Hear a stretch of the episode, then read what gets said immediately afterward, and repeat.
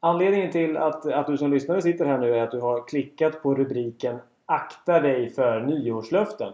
Och det kan man ju undra, ska vi, ska vi akta oss för det? Nyårslöften som, som egentligen skulle kunna vara hur bra som helst. Vi som sitter där och försöker rådge folk att må bra. Är det inte bra att lova sig själv att eh, jag ska gå till gymmet, jag ska få bättre hälsa, jag ska äta mindre kött, jag ska bli mer social med vänner.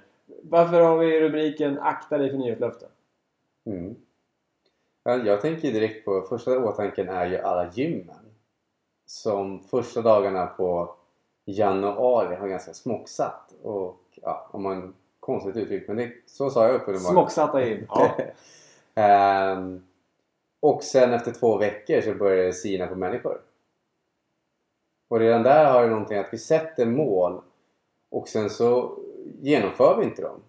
Och så är det lätt hänt för vissa människor att de tankar ner på sig själva att Oj, vad dålig jag är som inte gjorde det jag sa. Och då mår vi ju sämre av en bra vana som vi sen avbryter.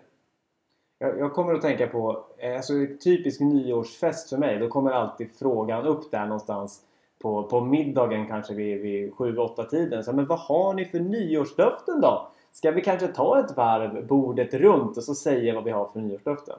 Eh, och, och då, just det här att, att jag hasplar fram ett nyårslöfte som jag inte har, har tänkt igenom.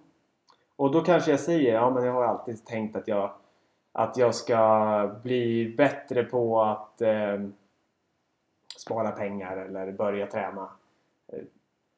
Nu, nu gäller inte just de två för mig, men det kan vara vanliga nyårslöften. Banta. Och då drar jag till med det för att det är det första som jag kommer på. Och sen så säger jag då inför, inför middagssällskapet Jo men jag ska börja gymma mer. Och då kanske någon säger Men vadå mer? Du kan bara gymma mer. Det kan du inte säga. Du får bli lite konkret. Ja, men jag ska gymma tre gånger i veckan. Och så lovar jag någonting som jag inte har tänkt igenom. Så jag sätter ett, ett krav på mig själv som jag sen inte har förankrat. Mm. Och det blir negativt. Det är lite det jag menar med akta dig för nyårslöften. Och då menar jag inte akta dig för genomtänkta nyårslöften som är väl avvägda. Utan akta dig för nyårslöften som egentligen inte är dina. Mm. Och även en tanke till som jag pratade om här, diskuterade innan var blockeringar. Och negativa målbilder som är omedvetna. Som jag kan ha fått från lärare, barndomen, tidningar, media. En hel uppsjö av olika källor. Hur menar du då? Ja, ett exempel kan vara är att jag hade en tidigare coach som jag jobbade med och det, det var ett ljus som gick upp för mig när jag insåg att många människor är mer rädda för att faktiskt lyckas än att misslyckas. Och det kan vara som ett exempel vad jag visste inte om på den tiden att jag hade rädsla för att ha bra ekonomi. Och liksom, du var skulle... rädd för att ha bra ekonomi? Ja, och det var så att jag kunde säga till mig själv som ett... Vi kan jämföra med nyårslöfte. Ja, men jag ska öka mina inkomster med 5000 i månaden i år. Och omedvetet så hade jag en bild av en rik person som att ja, det var Joakim von Anka som bara tänkte på sina pengar. Det var Krösus Sorg som trampade på människor för att få pengar. Det var sliskiga försäljare som gjorde ett dåligt jobb. Och det var ju de bilderna jag hade att skulle jag tjäna mer pengar då behövde jag bli en sån människa. Men det här hade jag omedvetet. Det var först när jag fick göra en övning att ja, vad, hur ser du på pengar? Vad är din bild av en person med mycket pengar? Det var då jag började få fram, herregud vad mörk bild jag har av människor som har gott om pengar. Och då kunde jag på medvetet plan säga ja men det här året, då jäklar ska jag få ordning på ekonomin. Jag ska höja inkomsterna. Men omedvetet hade jag bilden av att men då behöver jag bli som Krösus Sork och trampa på människor. Och då ville ju inte, då, men det visste inte jag om medvetet. Förrän jag satt och tog upp det på ytan och skrev ner det på ett papper. Och alltså även om jag hade ett väl valt mål med en tydlig intention och jag visste exakt varför jag ville göra det. Så gjorde jag inte det. För att jag hade dolda motin, vad heter det, motintentioner och blockeringar. Hmm, intressant. Jag tänker att det här skulle kunna funka på nyårslöftesklassikern Jag ska börja träna också. Mm. Om, om en person som säger att den vill börja träna och bli eh, mer vältränad vill det på ett medvetet plan men samtidigt aldrig har varit eh, så vältränad som den vill bli. Mm.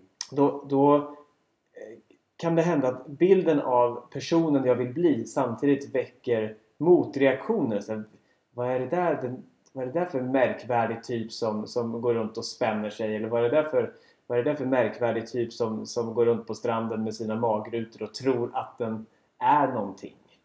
Eh, så att jag egentligen eh, är avundsjuk och vill gå på stranden också med mina magrutor och känna att jag är vacker och att jag utstrålar självkänsla.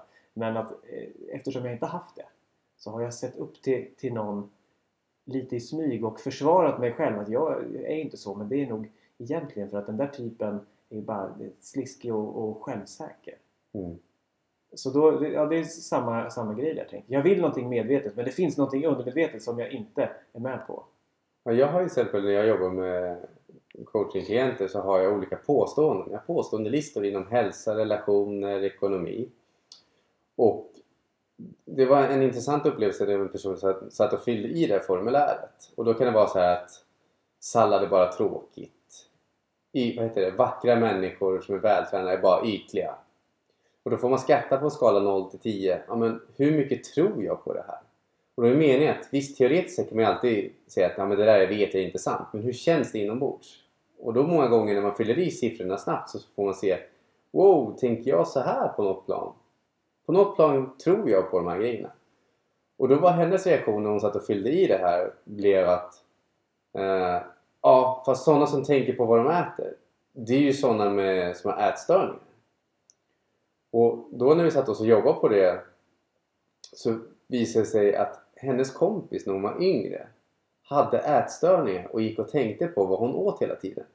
Och därför var det att den här tjejen associerade med att om jag behöver tänka på vad jag äter så betyder det att jag har ätstörningar. Så även om hon ville äta hälsosammare, äta nyttigare, få en bättre hälsa och en bättre kropp så kunde hon inte det för omedvetet så var hon livrädd för att vara en person som hade ätstörningar.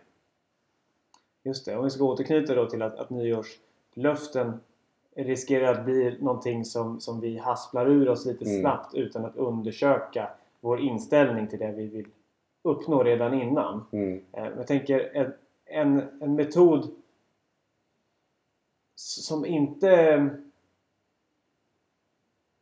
Ett alternativ till det, att sätta upp ett, ett mål som vi sen ska följa upp. Det kan vara att, att ha en... Det finns en risk att det blir ett krav. Jag, nyårslöften har en tendens att vilja vara konkreta. Jag ska sluta äta godis och då blir det ett totalstopp. Så här. Nyårsafton klockan 12 efter fyrverkerierna, inget mer godis. Boom! Och jag kanske inte är, är redo för det. Det blir kravfyllt. Och då finns det en, en intressant eh, motmetod som är motsatsen till, till krav. Men ändå en form av en nyårs, ett nyårslöfte. Men vi kan kalla det för, för nyårsönskan istället. Eh, Så att, om jag tar ett, ett papper och sätter mig på nyårsafton eller någon annan dag. Det funkar ju förstås året om det här också. Och så säger jag att, att jag eh, önskar att bli mer eh, bekväm i sociala relationer. Jag önskar att eh, komma iväg på, på fjällvandringen som jag har längtat efter. Jag önskar att eh, känna mig mer positiv på morgonen när jag vaknar. Skriver ner önskningar, intentioner på ett papper. Men jag bestämmer inte ett datum där jag ska följa upp det här. Utan tvärtom. Jag viker ihop pappret, kanske förseglar det i ett eh, kuvert och glömmer bort det. Får jag lägga till då att lägg till på det pappret varför är jag rädd att lyckas med det här? För om jag önskar det men har dolda motintentioner så finns det risken att jag saboterar för mig själv i slutändan. Men om jag önskar det och först och bara tar upp till ytan och tittar och observerar varför är jag rädd att ens lyckas med det här? Och sen släpper pappret så finns en ännu större chans till att det faktiskt man börjar komma in i det, de, de beteendemönstren. Ja, ja då uppgraderar vi den, Ja. den modellen. Eh, jag tänker just den här styrkan i att, att inte sätta upp ett mål som blir ett krav utan att sätta upp en, en önskan som sår ett frö i vårt undermedvetande. Så släpper vi det. Mm. Och det, det är här magin ligger. Att bara genom att ha intentionen om någonting så kommer det hända saker av sig själv. Jag vet att det kan låta lite så flummigt. Hur skulle det kunna hända någonting om jag inte aktivt går in och gör en plan för hur det ska hända? Men det finns en väldig kraft i det att plantera någonting i vårt undermedvetande. Jag kan lägga till ett konkret exempel på hur hjärnan börjar hjälpa en där. Det finns del som kallas RAS, retikulära aktiveringssystemet. Ja, Du behöver inte upprepa det så lät många. hårt och strikt men Ja, ja. förklara vad det handlar om.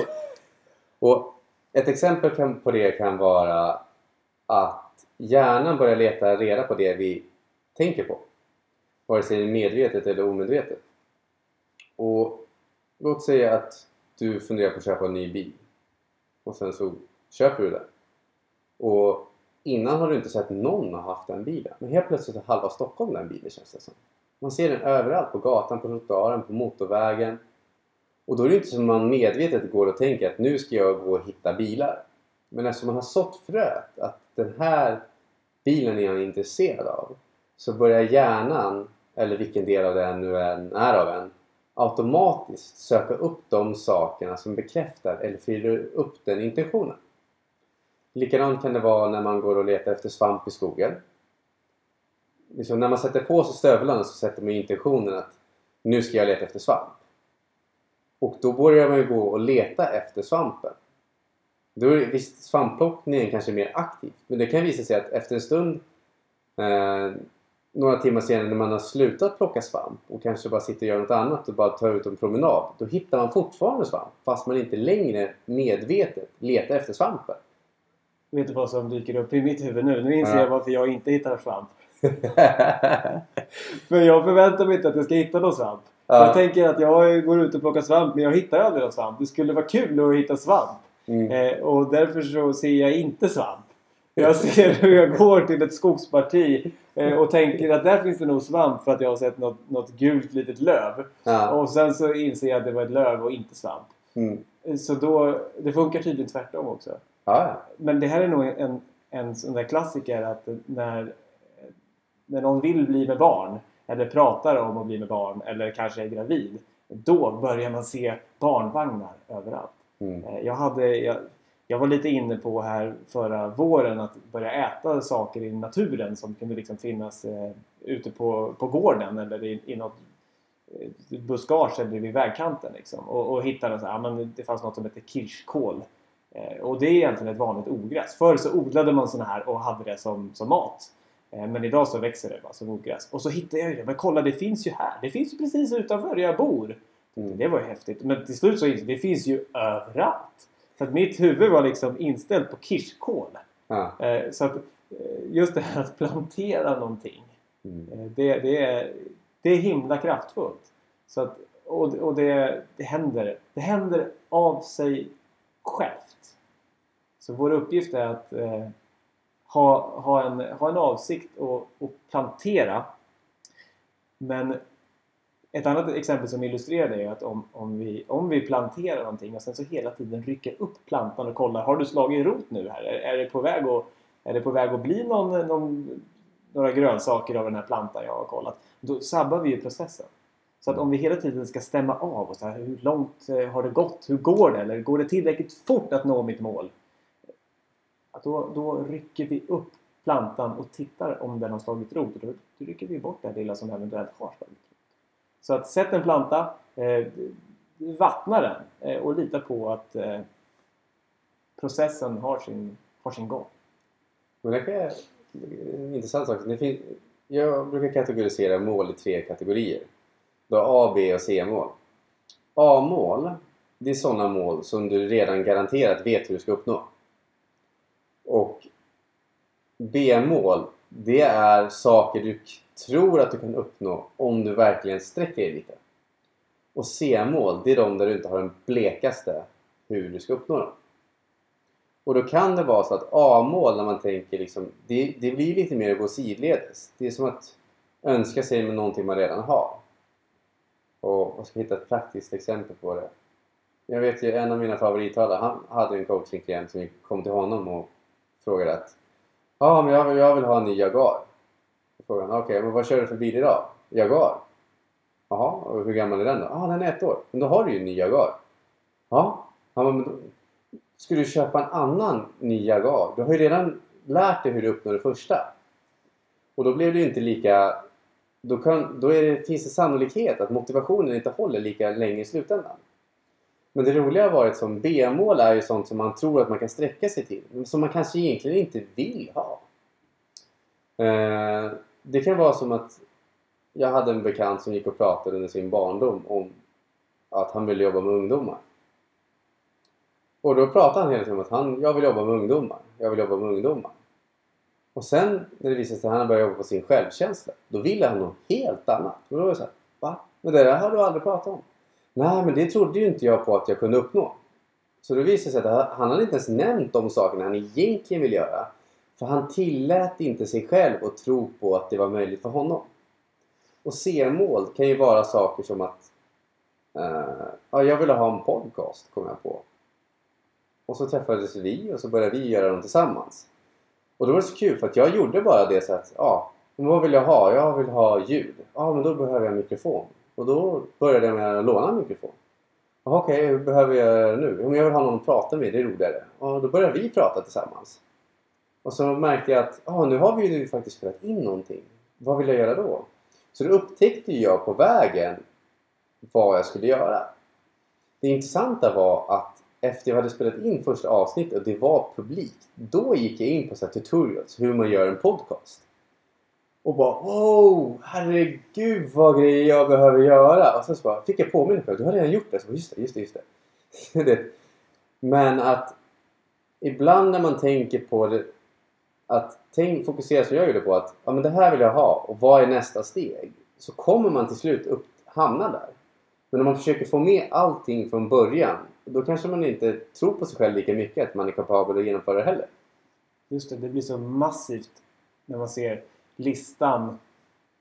Oj, måste jag gå igenom alla de där stegen för att komma dit och uppnå mitt mål? Nej, men då vet jag inte om jag riktigt vill. Ja. Istället för att ta ett steg som leder till steg två, som leder till steg tre, som leder till steg fyra, som leder till steg fem. Så hoppsan! Oj, nu är jag uppe här. Mm. Och, och, vilken utsikt! Och jag tänkte inte ens på hur jag gick. För jag gick bara och, och hade så trevligt längs vägen. Mm. Jag tänker, då kommer jag att tänka på eh, när jag pluggade på, på högskolan. Och så de här första lektionerna på en ny kurs. Så hade läraren liksom en, en genomgång om vad kursen skulle innehålla. Eh, den här läraren jag får upp i huvudet, han var dessutom ganska eh, stor, ganska långsam man med skägg. Det hade inte med saken att göra. Han pratade långsamt och, och stötigt. och berättade om hur mycket vi skulle vara tvungna att göra. Du vet. Så kommer vi ha en inlämningsuppgift på det och sen så kommer vi ha en tenta och sen så de här böckerna måste ni läsa. Det här är obligatorisk kurslitteratur och det är en hel lista. Och det blir så här, allting som vi måste göra och det kändes som att det här, det här blir ju plågeri. Eh, och sen så om jag spolar fram då till efter kursen. Ja, då visade det sig att ah, det var inte så. Jag behövde inte ens läsa alla de där böckerna. Jag kunde läsa hälften av dem. Jag kunde gå på lektionerna och jag fick det serverat som det kändes som att det skulle vara jättesvårt att, att ta till sig. Och den där tentan då, typ bara ordet tenta det, det är för övrigt sidospår, men tenta är ett jävligt måste klingande namn i alla fall för mig. Den som, som jag drog mig för bara jag hörde ordet och så avslutade vi kursen med en tenta. Den var ju jättelätt! För jag hade ju gått de här stegen och när det var dags för tenta då hade jag ju all den där informationen inom mig som jag behövde för att skriva tenta. Mm. Så ett steg i taget eh, metoden kanske vi kan kalla det för att eh, ja, men börja i alla fall. Så vi verkar återkomma här, jag, mycket till det här klassiska eh, nyårslöftet att börja träna. Gör det till små steg. Eh, börja med en eh, en, en promenad. Eller den här gå av bussen en hållplats eh, före ditt jobb. Det låter klyschigt och det låter nästan som att det där skulle inte funka. Vad är det för jävla skitsnack? Att du, du, du ska börja träna, du behöver gå på gym fem gånger i veckan. Och sen, sen har du ett nyårslöfte om att gå av bussen en hållplats före ditt jobb. Mm. Men det är så mycket bättre att börja med något litet och ta det därifrån. Och om vi ska sammanfatta det här eh, sköna eh, nyårslöftessnacket så tänker jag så här. Hellre inget nyårslöfte alls än ett illa genomtänkt nyårslöfte. Och allra helst en önskan eller en intention om vad du vill uppnå eller förändra. Och att du vågar lita på att, att hjärnan kommer göra det jobbet. Våga lita på att om du går ut i skogen så kommer du hitta svamp. Mm. Och där vill jag lägga till att om du väl går ut i skogen för att hitta svamp Dröm gärna att korgen är full istället för att den kommer vara tom när du kommer tillbaka. Och lita på att du kommer hitta alla svamparna. Att det går inte att veta i förväg exakt vad precis alla svamparna i skogen kommer vara innan du hittar dem. Utan fokusera på att få på dig gummistövlarna. Bara du kommer ut så har du tagit första steget. Precis. Och med det så vill jag önska alla lyssnare och dig Fredrik ett eh, riktigt gott nytt år och god fortsättning. Ja, god fortsättning och eh, gott nytt år!